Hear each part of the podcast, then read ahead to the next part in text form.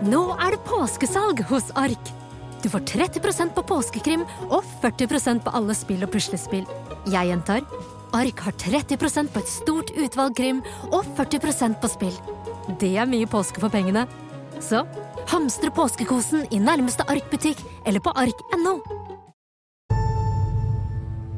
Jeg har kjent Jonny Hagelund i 30 år og vært med på noen av reisene hans. Men i denne podkasten kan du være med fotograf og eventyrer Jonny Hagelund på tur til de mest eksotiske steder på denne planeten. Dette er Grenseløs, en podkast fra produsenten av Avhørt.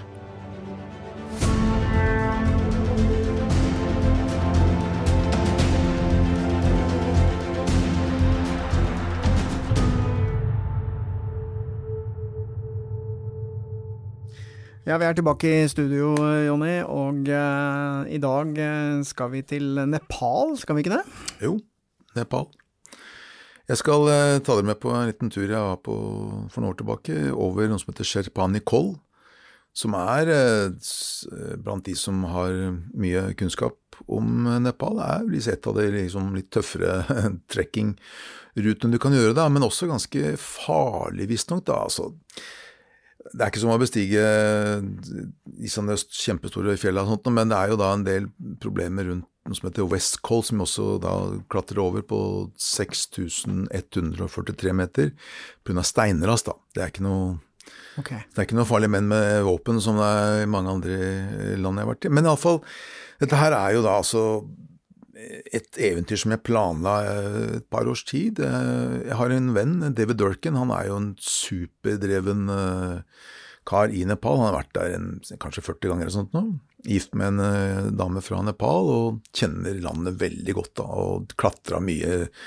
Han har gjort mye solobestigninger og alt mulig inn i, i landet. der, Og han har jo anbefalt denne her til meg i mange år, så jeg måtte til slutt dra dit. da, og det er jo en eh, tøff tur. Det er jo, jo 23-24 dager vi brukte på den turen, tenker jeg. Og det laveste punktet er jo ved Arunelva, som heter, da, i eh, østlige delen av Nepal, på 737 meter over havet. Og høyeste punktet er da Sherpanekol på 6146 meter. Så det er jo mye stigning eh, med sekk på ryggen og alt det der. Ja, for du må gå, ikke sant? Du kan ja, vi går hele veien. Det er ikke noe kjøring her, nei. Det er ikke noen veier. nei, det er ikke noe. Det er ikke noe kafeer og Nei, det er ikke noe kafeer heller. Det er ikke noe Altså, sånn hvis du tenker på rundt eh, Everest og rundt eh, Annapurna, så er det masse sånne tea houses hvor du får kjøpt eh, både mat og te og kan sove ganske komfortabelt, og mange turister.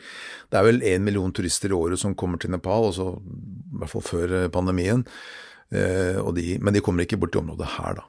Ok, så dette er litt mer øde og, ja. og, forlatt og litt mer rått, da. Ikke så preget av den masseturismen som har utviklet Nei. seg rundt uh, Mount Everest og Ikke i det hele tatt. Nei. Okay. Og det er uh, Ja, det er uh, Jeg liker det, da, selvfølgelig. Det er, ja, de som kjenner meg, vet at jeg er jo ikke noe sånn superhappy med masse turister. Du er ikke glad i folk, bare si det som det er. liker ikke folk. Liker ikke folk. Nei, jo da, jeg liker folk, men altså Nei, nei det gjør du ikke. Ja, ok, du har kjent meg lenge, så jeg må vel, jeg må vel ta det du sier for uh, god fisk, da. Greit. Iallfall, da, så uh, begynte vi Eh, med å gå og, og ned til denne Arun-elva og så oppover der og, og, møte mennesker. Dette er et sted hvor sherpaene lever. Altså Sherpaen er en folkegruppe. Altså jeg, jeg har lest meg til at det er rundt 35 000 av dem da, i, eh, i eh, Nepal. Ja, for Det er interessant, for når jeg hører ordet sherpa, så automatisk oppi hodet mitt så er det en som som hjelper folk opp på høye fjelltopper, så jeg trodde det mer var en sånn yrkestittel. Ja, altså, nei, altså sherpaene, det er altså det er kanskje den mest kjente etniske gruppen i Nepal, og de ble berømte eh, fordi at det, altså, Første gang egentlig var vel 1921, da et britisk team foretok en rekognosering eh, av Everest og brukte sherpaer som porter og kjentfolk. da.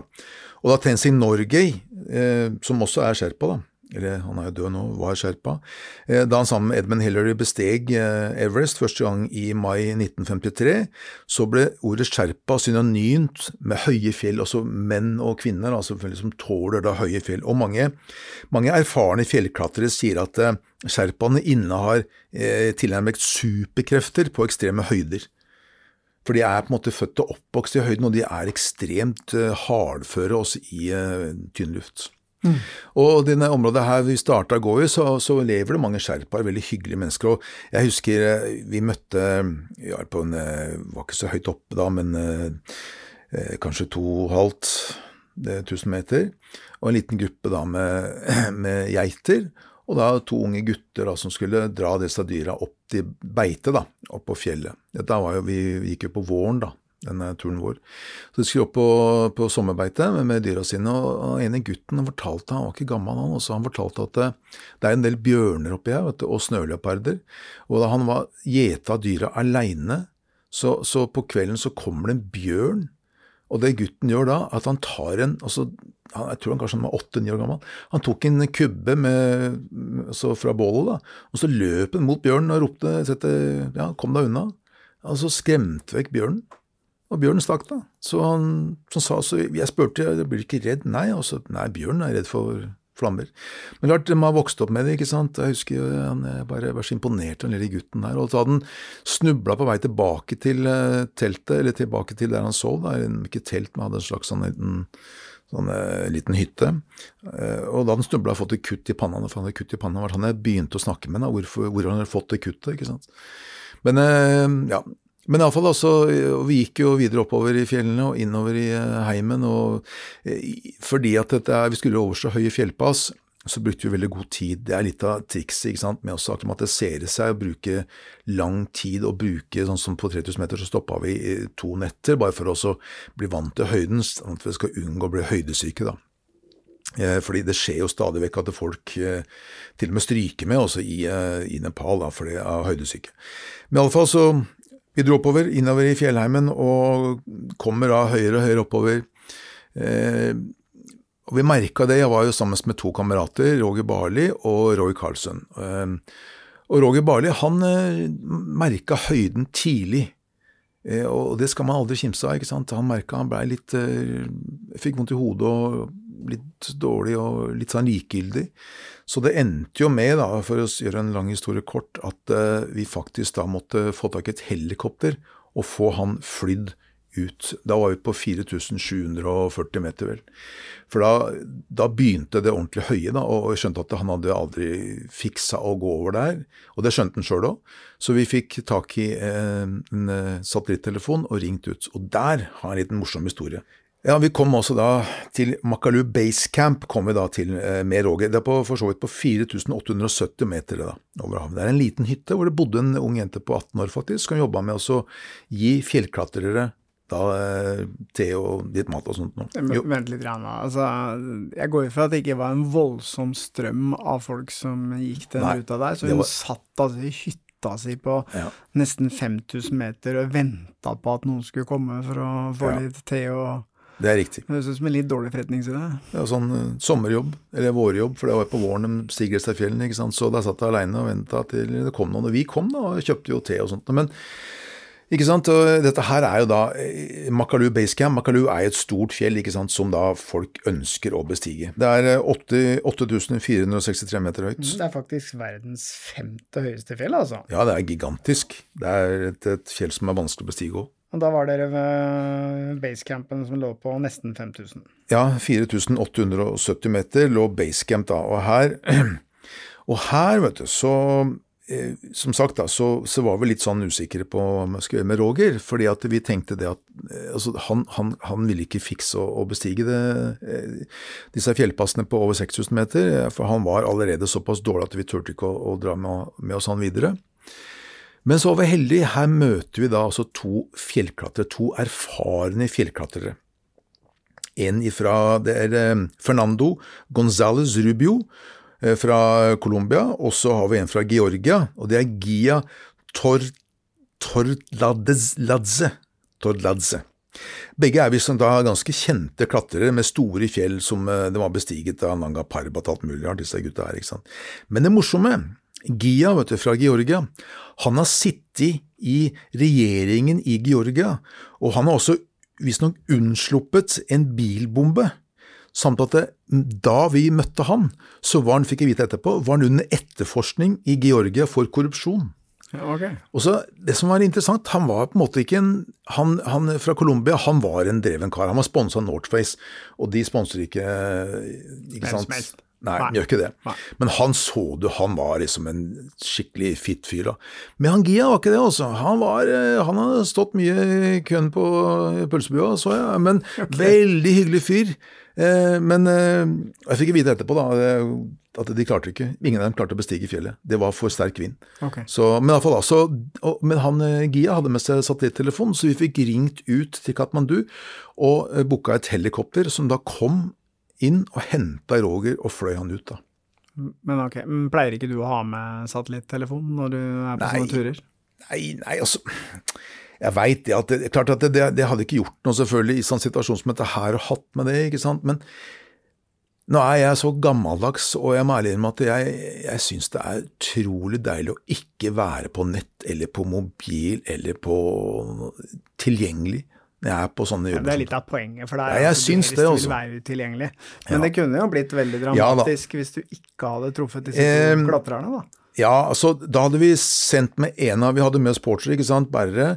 Hadde vi sendt en av dem tilbake til Katmandu med Roger. Så det hadde gått, det. Hadde ikke vært noen krise, det også. Så, så, men, um, men han ble flydd ut og Flydd ut, og han, han, sykehus, han, dro rett på sykehus og fikk påvist da at han hadde da AMS, også acute mountain sickness. Så han var eh, dårlig. Og han hadde nok hatt eh, Han kunne blitt alvorlig syk hvis vi hadde dratt den videre, altså. Fordi Problemet med, med, sykdom som det er at du blir likegyldig. Du blir liksom, du er ikke så farlig, du bryr deg liksom ikke. Du får vondt i hodet av kvalm. men du, I hvert fall det har blitt fortalt. da, Jeg har aldri hatt det sjøl, heldigvis. men, eh, i hvert fall ikke sånn ordentlig. da, Litt vondt i hodet, ja, men ikke mer enn det. Men det er en annen ting i det området her som er litt interessant. Eh, vi har jo sikkert, eh, i hvert fall veldig mange da, har sett på den filmen som heter Nei, den der serien The Last of Us, er ikke den? Ja, den som går på HBO Max eh, nå, ja. faktisk. Har kommet ja. en tre episoder eller noe sånt, har ikke det? Jo, det har gjort den, ikke sant. Den er jo, Jeg har faktisk sett den sjøl, det er jo faktisk godt lagd, det der også. Så Det er jo, I utgangspunktet så tenkte jeg at å, herregud, nok en sånn der zombie-historie. Ja, jeg trodde det. Jeg er litt lei av det, skal jeg være helt ærlig. Men denne var litt fascinerende fordi den starter jo med at prøve å gi en liten sånn vitenskapelig forklaring på en eller annen sånn sopp da, som ja. tar over ja. uh, mennesker. Men uh, jeg tipper at du nå skal fortelle meg at dette er mulig i virkeligheten, eller? Eh, altså, ja, nei, jeg, nå er ikke jeg noen ekspert på det her, selvfølgelig, men jeg kan fortelle om Yarsagumba. Yarsagumba, det er en nattsvermerlarve i disse fjellene her sånn, oppi, høyt oppe i Malaya, som blir infisert av en sopp. Og soppen tar over? Soppen tar over kroppen til denne her eh, larva. Det er like kult. Ja. Og jeg har ikke sett det sjøl, men eh, de som eh, jeg intervjua her oppe, fortalte det at eh, ja, det hender i det stadiet før Altså larva dør jo til slutt, da. Den blir mumifisert. Men før det så er den i bevegelse. Så da ser du også en da er det soppen som styrer, sier da, ikke sant? det er ganske morsomt at det skjer med larver. Nå har jeg lest eller hørt et eller annet sted, eller kanskje jeg bare drømt det, men eh, jeg tror ikke den soppen er i stand til å ta over mennesker eh, ennå, men, eh, men, men, men, det er jo noe fascinerende med det, at det er den samme tingene som skjer ja, i eh, den serien, da, bortsett fra ja. at det er med mennesker. Det er i hvert fall ikke sånn hinsides unna også det, det Zombier og greiene der, det er jo på en måte noe helt annet. Det er jo ikke sant, urealistisk. Det er ikke at jeg, jeg skal ikke si at det er, at det skal, er realistisk at det skjer, da, men i hvert fall da, Yasagumba er en natts, nattsvermerlarve som blir infisert av en sopp, og larven dør og blir deretter mumifisert. Eh, ifølge tibetansk medisin så skal yasagumba kunne kurere det meste og øke potensen, ofte blir kalt da Himalayas Viagra. Og dette har vært mye penger. Det er så, altså jeg har hørt blir fortalt at det, noen ganger så betaler folk 10 000 kroner for en kilo, og det er mye penger oppe i Himalaya også. Så, så den soppen er veldig populær, altså? Ja, altså den, hele, hele, opplegget da, med liksom, eh, at det er en blanding av dyr og, et, eh, og, og en sopp, ikke sant. Ja, ja okay. sopplarve. Ikke sant? Så der, der, Derfor så har det Det er ikke bevist at det fungerer, at det en, eh, har en helbredende effekt, men iallfall er det veldig mange som tror det. Derfor så er det folk som faktisk har blitt drept oppe i Himalaya fordi de har gått inn på territoriet til den andre og så plukka soppen der. Ikke sant. Det er mange historier om det, altså. Så, så dette er på mange måter uh, gullet oppi fjellet ja, der? Ja. Du kan godt si at det er en slags, slags gull, ikke sant. Så, Men spiste jeg, du det, eller? Jeg har faktisk, jeg har hjemme faktisk tresagne. Jeg har aldri spist ennå. Jeg, ikke, jeg har ikke tatt sjansen? jeg har ikke tatt sjansen på det. Altså, det, det, det Nei, det, det ser ut som larver. Det gjør det når du ser Så er det en liten sånn der stilk som kommer ut på rumpa. Så det er en sånn, Du ser at det er en blanding av et dyr og, og, og, og Har du ja, aldri greier. tenkt at dette skal jeg prøve? Vet du hva, Jeg er ganske enkelt. Jeg prøver å spise, jeg spiser mye rart. Jeg spiste jo ja, Papa og spiste jeg insekt alt mulig. Men i tilfellet sånn, så var det ingen som ba meg spise det, så tenkte jeg ok, da Dropper jeg det. Ja, jeg har ikke noe sånn brennende behov for det, ikke sant, så Men iallfall da, så, så ja. det men det som er også er at det, disse folk oppi her, sherpaene, er jo buddhister, ikke sant, og du skal, i deres tro, så skal du egentlig ikke drive og selge og kjøpe dette greiene her, sånn det er liksom litt mot ja. Men, eh, ja, men det har blitt en big business, da, så Men dere kom dere videre? Ja da. Roy, da, eller? Da, Roy og jeg, vi gikk videre, sammen med da Tenba og disse andre gutta. Som, eh, og vi eh, fortsetter å klatre oppover, og det blir jo høyere og høyere. og så Etter hvert så kommer da bl.a. Everest til syne, og vi ser jo for den utsikten til Makalu. ikke sant, det er jo og, all vegetasjon stopper jo, ikke sant, når vi da oppå etter hvert kommer da til Swiss Base Camp, og der har jeg også en lydopptak. Da har vi som heter Swiss Base Camp. 5184 meter over havet. Vi har akkurat kommet hit og holdt på å sette opp campen bak oss nå. Bak meg nå. Og hver ettermiddag så har det kommet en sånn ja, en liten sånn snøbyge, da. Fint vær på morgenen, og så blir det skikkelig snøvær. Og det varer ofte til sånn 50, og så blir det ålreit vær igjen på ettermiddagen, så jeg får noen bilder. Eh, vi har det bra, vi. Eh, Roger måtte fly hjem med helikopter. Men Roy og jeg, vi holder ut. Etter hvert da, så kjenner jo at lufta blir tynnere, men i og med at vi har brukt så god tid, da, vi har klatra sakte oppover, så blir vi ikke syke, vi blir ikke dårligere, Roy og jeg. Roy han er jo immun mot uh, hodesyke. Han hadde ikke, kjente jo ikke høyden i hele tatt, nesten. Uh, jeg fikk litt hodepine da vi landa på Sherpanekol Basecamp på 5686 meter fikk jeg litt hodepine på kvelden, men neste morgen så var det borte. Så heller ikke plaga det. Men du kjenner jo selvfølgelig at det er, når du går da med Jeg har jo kanskje jeg vet ikke mange kilo på ryggen, 10-12 kilo på ryggen med kamerastyr, ikke sant? så du kjenner jo høyden da, selvfølgelig. Men, men eh, trikset er vel litt sånn at du skal gå veldig sakte, ja, er det ikke det? Ja, gå sakte. Mm, det lønner seg ikke å løpe eller Nei, det er ikke noe poeng. Nei, det lønner seg ikke. Og så er det vanskelig også. Det er mye steiner. Du, sånn svære kampsteiner som du klatre og klyve over. Det er ikke noe, det er ikke noe ordentlig sti. Men hvor lang avstand klarer du liksom uh, komme i løpet av en dag? Ja, Det er et godt spørsmål. Jeg er jaggu ikke sikker på. Jeg, jeg, sitter der sånn, jeg, kan jeg huske, jeg husker jo nesten hver meter av den turen der. For det gikk så sakte. ikke sant? Så, men det, vi går mange timer, da. Det gjør vi. Vi går jo mange timer. Seks timer. Sånt, mm. Seks, men, men du kommer ikke så langt i sånn i Nei, nei vi kommer noen kilometer. Det gjør vi. Mm. Men, uh, også, men høydemeter da, så er jo Nå stiger jo hele tiden. ikke sant? Ja. Nå er det bare oppover hele veien. Og ved Sherpani Cole Basecamp, Base Camp uh, på da 5686 meter, så er vi da etter foten av en isbre. Og det er jo eh, altså det, Jeg syns det, det, er så flott. Vi har den utsikten til Makalu. ikke sant? Og neste morgen så står vi opp klokka halv tre på natta eller sånt. Og, og når de da drar, sant, stikker hodet ut av teltet, og så ser de bare den stjernen i meg, for det her er ikke noe kunstig lys, det er ikke noe lysforurensning. ikke sant? Det er det er en, en fantastisk opplevelse. også. Mm. Og så er det på med stegjern, og så begynner vi å klatre da på isbrenn som går opp mot Sherpani Kol. Men det å klatre på en sånn isbre, det er vel ikke helt uh, farefritt, er det det da? Nei, altså, En av disse gutta som var med oss, uh, Tenba, han har gått den turen før, og han sa det altså, at det er, det er et helvete, for å bruke det ordet han sa. Han, uh, men han mener at akkurat den første isbreen, det er, vi er tre isbreer vi går over da. Eh, først er det en Sherpane Kål, og så er det da over til Barunse-isbreen, og så ned på Hunku-isbreen. Og der er selvfølgelig det er en fare for isbre, altså sprekker i breen. da. Men, eh, men, han har vært der før, og han visste sånn cirka Det er så kaldt der oppe hele tiden, vet du, så det Ja. Uansett, vi fulgte etter han. Hvis han ble borte, så hadde vi kanskje tatt en Lot han gå, først? vil vi lot han gå først. Så hvis han blir borte, ikke ser han lenger, så går vi litt omvei. Da snur vi og går tilbake. ja, det, nei, ja, det er ikke tulle med sånne ting, men i alle fall altså Vi klatrer sakte oppover denne isbreen med stegeren og rett opp, og det er jo kommer sola opp. ikke sant? Og det som hvorfor gikk så tidlig, er også fordi at eh, tidlig så er det jo kaldt. Vi våkner til 21 minusgrader, og da er alt hardt. ikke sant?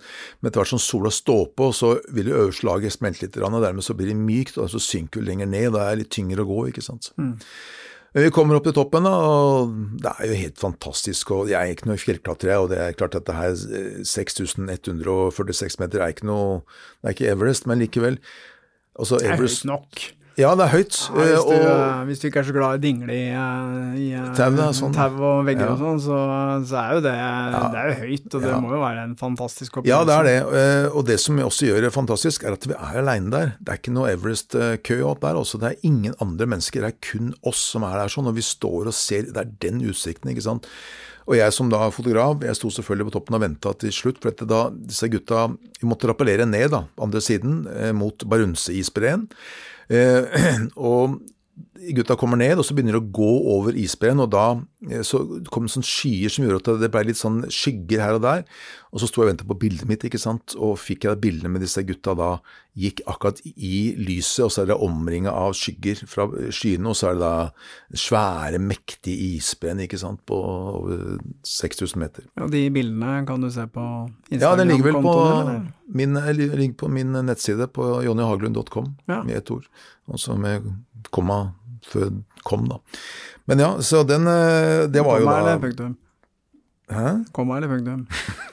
punktum.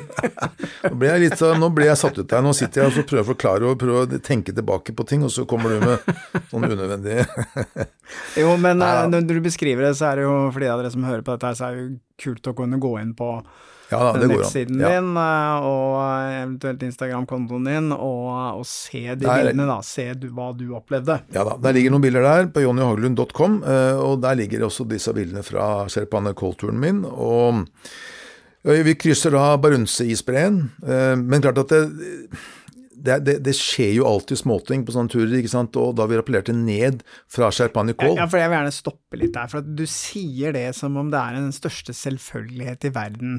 Vi rappellerte ned. Ja. Hvor mange meter altså, ja, det, er... det, vi snakker om er jo tau og fjellvegg, ikke sant? Ja da, det er det. Men, altså, hvor eh, mange meter var det du eh, rappellerte ned for å komme ned på isbreen? Ja, det er vel en, kanskje en 60-70 høydemeter, ja, tenker jeg. Så det er jo en liten utfordring der i den forstand at du bør jo kunne rappellere, da. Og vite ja, hvordan du eh, gjør det hvis ja, du skal ta denne turen. Det var det som var poenget mitt. Det det hvis ikke så blir du stående på kanten her og tenke Han derre Haglund, altså, han uh, sa ingenting om at det var 70 meter ned her, fjellvegg. Han sa ikke noe om det. Nei da. Men også, det er jo det er ikke så bratt, uh, men det er bratt nok at du bør rappellere ned. Også det, du kobler deg på tau. Vi henger opp tau, ikke sant. Kobler deg på tau.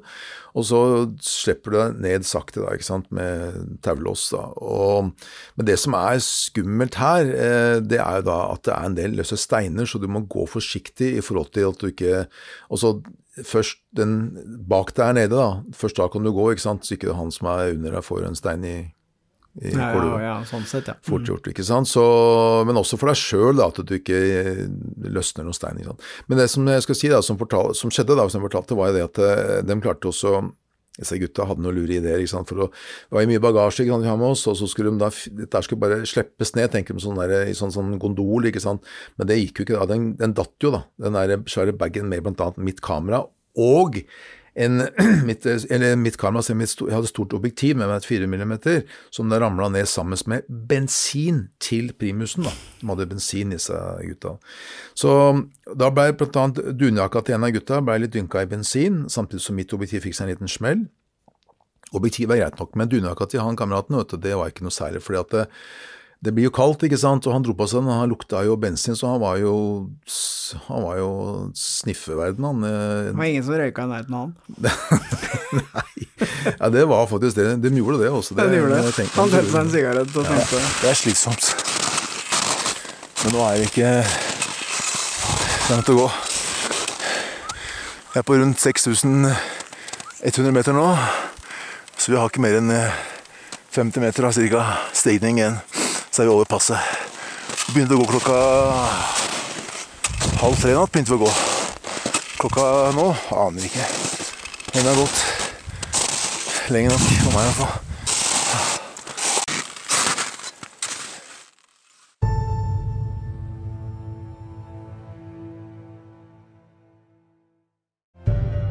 Den dagen så gikk vi 15-16 timer, ikke? Og, eh, eller den fra natt og så utover dagen. Og vi krysser denne Barunse-isbreen, og du er sliten også. Du, du, tenker ikke så veldig logisk da. Da gikk vi tau, når vi gikk over Barunse-isbreen, så hadde vi tau mellom oss i tilfelle bresprekker. Og så kommer vi til det som er så kjent, kjent da, ifølge disse gutta her, eh, Nepals farligste fjellpass, og det er da Westcoll. Og det er da hovedsakelig på grunn av da steiner. Her også måtte vi rappellere ned. Det er ikke så bratt, men det er langt, og det er eh, mye løse steiner. Og men Før vi går gjennom det passet der, jeg må bare stoppe litt opp. Uh, disse gutta som gikk sammen, altså de røyka, altså? Ja, ja, de røyk. Er ikke det litt sånn altså, fascinerende? Det, det, det, fordi, uh, fordi, alt vi vet om røyk og sånn, så er jo ikke akkurat hva skal jeg si, for Du får ikke god kontusjon av nei, det, nei. men likevel. Og jeg har jo opplevd noe lignende selv, fordi jeg var på en sånn jeg var med som instruktør på en sånn sykkeltur på, over kryssa i Italia. Og eh, da skulle vi opp en sånn bakke som jeg tror den var ti kilometer eller noe sånt, og så hadde vi jo med da noen italienske syklister som hjalp en del av disse deltakerne hvis det ble for tungt. Og han ene på turen her, han røyka altså som en skorstein. ja, han hadde sigaretten i munnen hele tida, men likevel så tok han altså hånda i ryggen på en av deltakerne og dytta vedkommende opp hele bakken.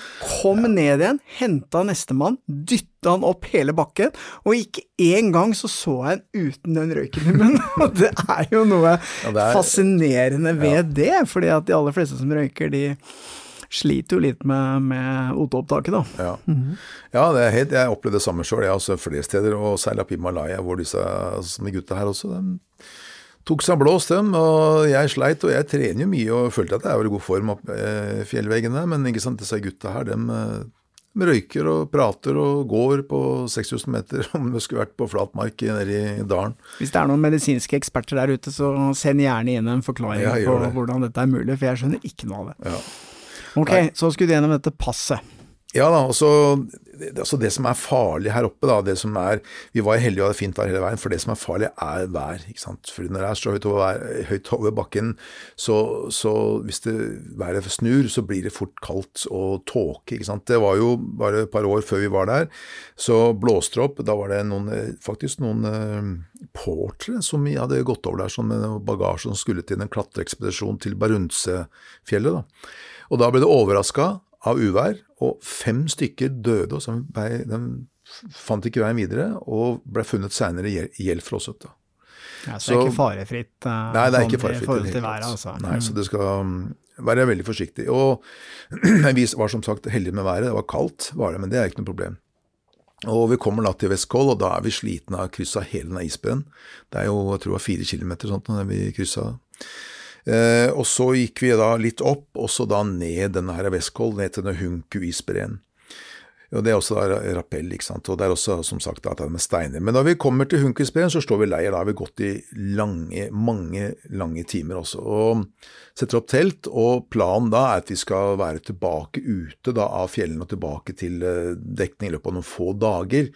Vi skal da gå over noe som heter Ambulachala, som er et fjellpass mot da uh, Namche Bazar, som er da en sånn kjent by. Hvis du starter Mount Everest basecamp-trekket, da.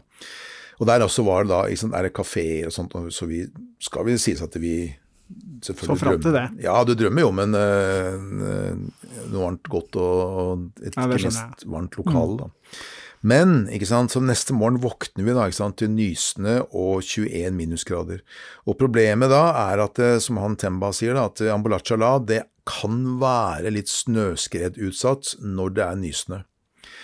Og da tar vi ikke sjansen på det, ikke sant. Og da betyr det at vi må gå fem dager ekstra, en omvei, da. Og vi har ikke noe kontakt med omverdenen, sånn at vi får på en måte ikke sagt ifra at vi gjør det. Eh, og, og, fem dager ekstra betyr at de som venter på oss i Katmandu, de forventer at vi skal altså Si to dager ekstra, da er kanskje ingen som spør noe, liksom, da tenker man at ja, man har sikkert hatt ekstra tid, men fem dager ekstra er såpass lenge at det, det kan bli iverksatt en slags redningsaksjon, da. Etter oss. Men det, ja, så vi dro av gårde av en, omvei, da, og det er jo jeg husker jo det som klart, ok, slitsomt, nysnø og det går, det er tungt, men altså alt er helt dekka av snø. Det er ikke noe menneskespor høyt over havet og de store, enorme fjelltoppene rundt oss. Helt fantastisk, også. Men hvor mye snø snakker vi om, liksom? Var det sånn Halvmeter. Sank, ja, halv meter snø? Ja, det var det. Halvmeter snø. Ok, Var ikke det veldig tungt? Å jo, det er tungt som pokker. Mm. det er tungt å gå da, altså. Det er det absolutt. Også, ja, For du hadde ikke mer truger og sånn? Mm, nei, vi hadde ikke det. ikke sant. Ja, problemet er at vi da også, når det går over isbreer, ikke sant, så ser man heller ikke sprekker og sånt. Så altså, vi måtte jo over noen andre fjellpass, så måtte vi krysse blant annet noe som heter Merala på 5415 meter, ikke sant. Så, så, sånn ja, så vi måtte over noen andre, og da var det tåke og i tillegg, da, ikke sant. Og, og jeg husker ikke sant, da vi kryssa Satrvala på 4610 meter, og så Jeg slo jo på mobilen da, eh, rett før vi begynte på det passet, for da kanskje vi har noen meldinger vi kommer opp på andre sida, vi får dekning, da. Og jeg husker, jeg er jo som sagt, jeg er ikke sånn veldig happy med dette med at alltid være tilgjengelig. Men da jeg hørte, kjente det vibrerte i sekken, da vi kom over det fjellpasset, så syntes jeg det var deilig. Okay, ble, var, ble glad? Ja, altså, jeg ble glad fordi at eh, de hjemme var jo bekymra, ikke sant. Og David Durkin, som også var liksom passa på at vi ikke skjedde noe gærent med oss, med oss, han var litt bekymra for oss, han òg, ikke sant. Og han var på nippet til å sende ut en redningsaksjon, han også, eller igangsette, igangsette en redningsaksjon for oss å plukke oss opp, da. Men det viser seg at det var jo et uvær som herja over hele området her, så var flere andre som også da, eh, grupper, da, ikke akkurat der vi var, men i eh, Mount Everest-området òg, som da hadde blitt eh, sittende fast, værfaste da inne i fjellene. Så, men vi kom ut, og, det, og da kunne jeg få lov å sende en melding til kona mi og si at yes, vi er i live, alt i orden, og til David Durkin og mm. Og klart at etter sånn tur som det, så dette her det, det, det, er ikke noe sånn ekstremt tur, dette her. Jeg, jeg vil ikke, ikke altså, prøve å skildre det. Jeg vil tro at de fleste som jo, da, dette, også, men, tenker at det er ganske ekstremt.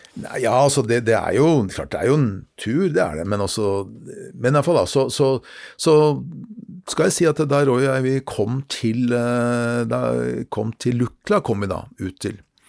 Og, og det å komme dit da, og så er det sånn Starbucks, Starbucks look-alike. da, det er ikke ekte, Jeg trodde det var ekte Starbucks, for det er akkurat samme skilt, men det var sånn fake. da. Men spiller ingen rolle. De hadde varm kaffe og sjokoladekake. I varme omgivelser. Vi kunne ta oss lua og langunderbuksa og så sitte der og drikke kaffe og spise kake. Det var helt fantastisk. Og så hadde de dusj, da. Varm dusj. Og det er litt morsomt, for Roy han, han var, han var hissig på å ta seg en dusj. ikke sant? Og så det er kaldt der òg, så sier hun dama at ja, ta en halvtime. ikke sant? Men han venta en halvtime, da, men det var ikke, ble ikke varmt.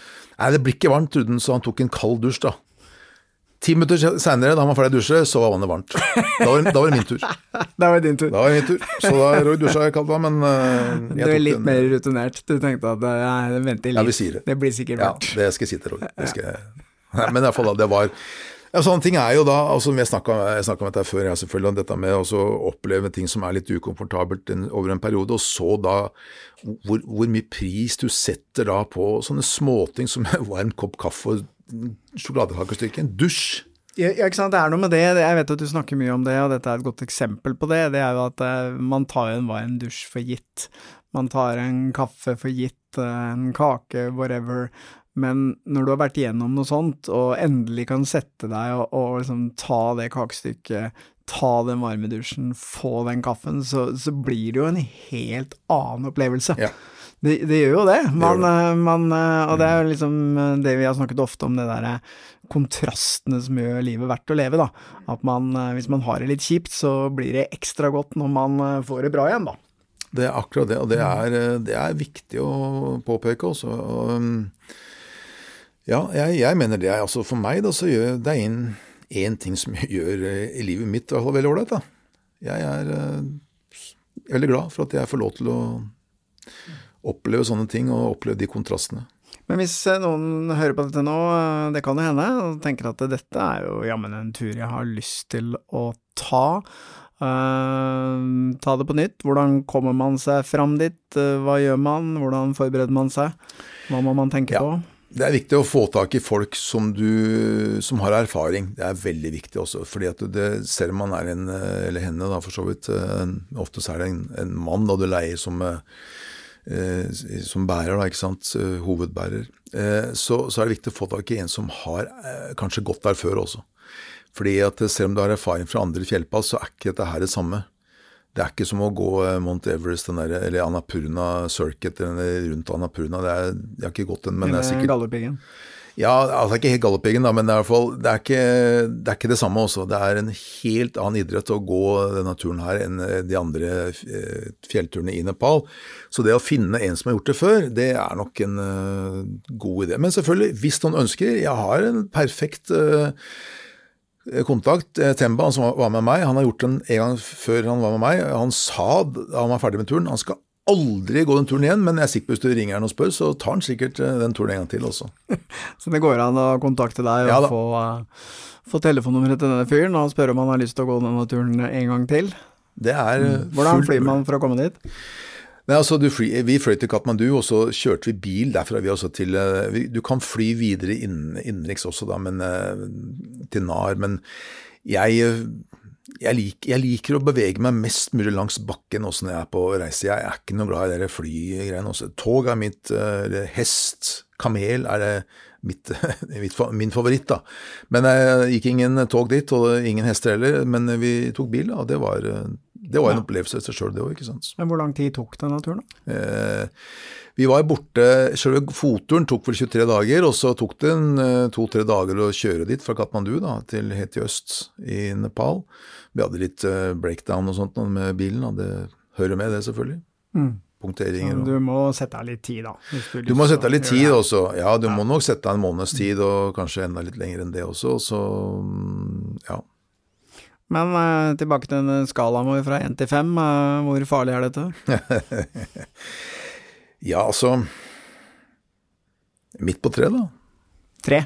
Ja, tre, tre minus, da. Tre minus. Tre minus. Ja, tre det føltes ut som en femmer, men Ja, altså akkurat de fjell... Ja, altså, men sånn er altså, Alt er jo farlig hvis du ikke gjør det riktig, så Hvis du gjør det riktig, tre minus. Mm.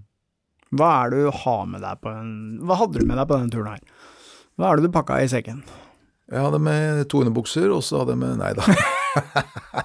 det er du som alltid tuller med det at jeg har med bare én underbukse. Ja, men det er jo sant, så nei. det er jo ikke noe vits å prøve å snakke deg bort fra det. Nei, nei, men uansett, eh, bortsett fra én underbukse, hva hadde du med deg? nei, jeg hadde med en, eh, et sett med ordentlig varme klær. Det blei jo kaldt noen ganger, og på nettene blir det jo kaldt. Så dunjakke og en tynn, litt sånn, sånn mellomtjukk dunbukse. Og selvfølgelig flis og litt ull innerst, og så god sovepose og bra telt. Og så som fotograf da, så var det selvfølgelig batteri. Det er ikke noe opplading her. ikke sant? Det er ikke noe mulig å få lada opp mm. noen sted. Og så må jeg si jeg hadde jo med jeg, altså jeg er jo glad i folk som er fra fjellene, ikke sant. Er, Lakpa var med oss, han var jo en av bærerne. Han var den eldste, da. Han eh, ordentlig dreven kar. ikke sant? Gikk med sneipen i munnen og dro opp fjellsidene med 20 kilo på ryggen. Og det er en annen ting også, jeg var veldig opptatt, eh, både Roy og jeg, og Roger også for så vidt i starten, at eh, de som var med oss, de bar ikke mer enn det, sånn maks 20 kilo. Og vi bar omtrent Ja, vi bar vel 15 kanskje da. Jeg tror det var 12 kilo på slutten av brukt opp mat og sånt. Men i hvert fall at de ikke bærer for mye. Eh, fordi at eh, en ting er at selvfølgelig du, du må tenke på det, deres eh, vel og ve òg, men, men ve og vel heter det vel kanskje. Eh, men også det at hvis den bærer for tungt, så er det fort at den skader seg. Og da er det plutselig én porter mindre, og da har du et problem når du er på 5000-6000 meters høyde og så langt bort fra folk. Så at de bar maks 20 eh, kilo, jeg tror de bar rundt 18-19 kilo hver, at de ikke gjorde det mer enn det, det er viktig, tror jeg. Heller leie noen ekstra. Men problemet er selvfølgelig hvis du leier flere reportere leier, mer mat må du ha med, og mer utstyr må du, ha med. Så det er, det er, ikke alltid Det er greit å være litt minimalistisk da, når man pakker. Mm. Hva betaler man da for disse som bærer? Ja, det husker jeg ikke. Men det er ikke så det er ganske, de er ganske Jeg er litt opptatt av og Jeg prøver alltid å få prisen ganske ned, mye ned til å begynne med, slik at jeg liksom Jeg pruter litt på prisen, og så gir jeg heller veldig bra bonus hvis ja. de har gjort en god jobb. Men jeg skal si om Lakpa, vet du, som er litt morsomt, da. Eh, til å begynne med så gikk jeg rett bak Lakpa, og vi er jo, sant, vi nordmenn vi dusjer og vasker oss og bruker såper og parfymer og alt mulig. Ja, ikke mer parfyme kanskje hos meg, da, men iallfall lukter godt. Han lukta ikke godt ut fra kan si ut fra mitt ståsted, da, ut fra norsk ståsted, så lukta han ikke godt. Han hadde ikke dusja på en stund. Altså, Jeg klarte ikke å gå bak den. Det morsomme er at uh, slutten av turen så gikk jeg siden han og kjente ingenting. Så, men ikke sant, det, man, så, så, sånn, det, det forholdet da, til, forhold til din egen hygiene forandrer seg. For jeg fikk ikke, fikk ikke dusja der sånn. Dusja ikke i det hele tatt på de 23 dagene. Det var ikke snakk om det før vi kom til Lukla. ikke sant. Eh, men er det så farlig? Og så hvis, hvis, du ikke dusjer på to dager i Norge, eller tre dager, så føler du deg skitten. ikke sant? Du er jo ikke det. Eh, og jeg må si, til å begynne med, For du svetter jo på vei oppover bakkene, og så på vei ned så blir du litt kald igjen. ikke sant? Så tenker på meg opp når du svetter, så å fy filler'n, nå må jeg en dusj, men du får ikke dusja før om tre uker. ikke sant? Så, men du, du, du, tenker ikke på det etter hvert, og det er litt deilig. For liksom, jeg føler at jeg sklir ut av den derre bobla jeg lever i når jeg er hjemme i Norge, med alt skal, liksom, maten skal være rein, og jeg skal være rein, og du skal leve liksom, innafor komfortsonen her. Så blir det ikke sånn, da. Så det du sier eh, i dag hvor det koster ganske mye penger å ta en dusj, så at, eh, det er jo bare surr å holde på med det hver dag. Det holder med fint med en gang hver 14. dag. Ja. Lukta, den venner folk seg til etter hvert. Ja. Ja, ok. Uh, ja, jeg vil jo tro det. Det høres jo Altså, naturopplevelsen må jo ha vært helt uh, fantastisk, men ja. uh, slitsomt og ikke helt uh, farefritt. Du sier at det er en tre minus. For meg høres det ut som en ti. Jeg skal ikke være med, men, men uansett helt sikkert hvis du er eventyrlysten og, og, liker sånne ting, så høres det ut som noe du absolutt bør gjøre. Ja. Dette her er eventyr.